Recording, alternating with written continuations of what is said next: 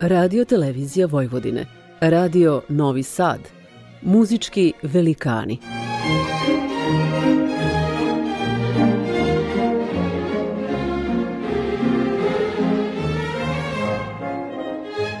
Urednik i voditelj Bogdan Đorđević.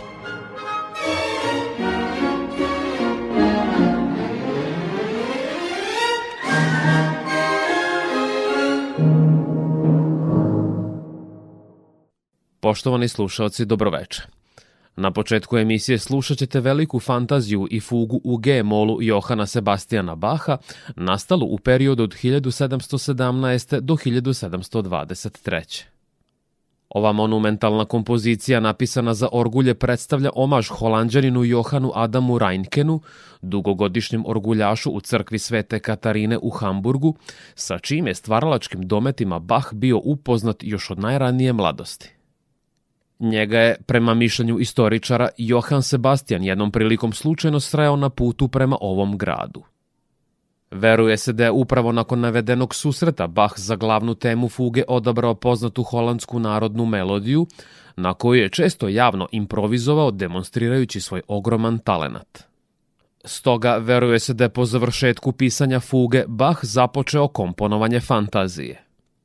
Po prelasku iz Vajmara u Keten, on se nadao da će u ovom gradu voditi mirniji i povučeniji život zajedno sa svojom suprugom Marijom Barbarom i decom. Uz svesrdnu podršku kneza Leopolda zavoleo je mir i tišinu ovog mesta u kojem je stvarao isključivo dela kamerne muzike. Nažalost, na raspolaganju su mu bile samo male dvorske orgulje koje su bile nedovoljne za ispoljavanje i izražavanje njegove duboke religiozne prirode. Tako je ovo delo bilo kompletirano u periodu dok je Bach bio odvojen od onoga što mu je kao kompozitoru najviše značilo. Pred vama je sada istaknuti britanski orguljaš Peter Herford –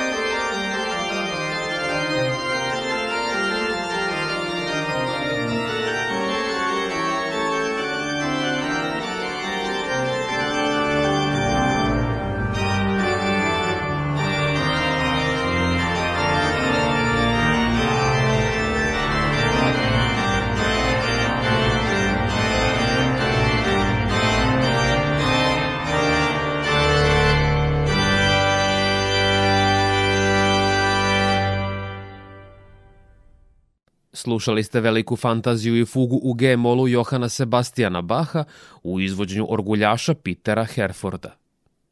Za Baha su prijatelji često govorili da on sebi stvara neprijatelje iskrenošću i poštenjem, jer nikada nikom za ljubav nije želeo da zažmuri na jedno oko kako bi prećutao načinjenu manju grešku u sviranju orgulja.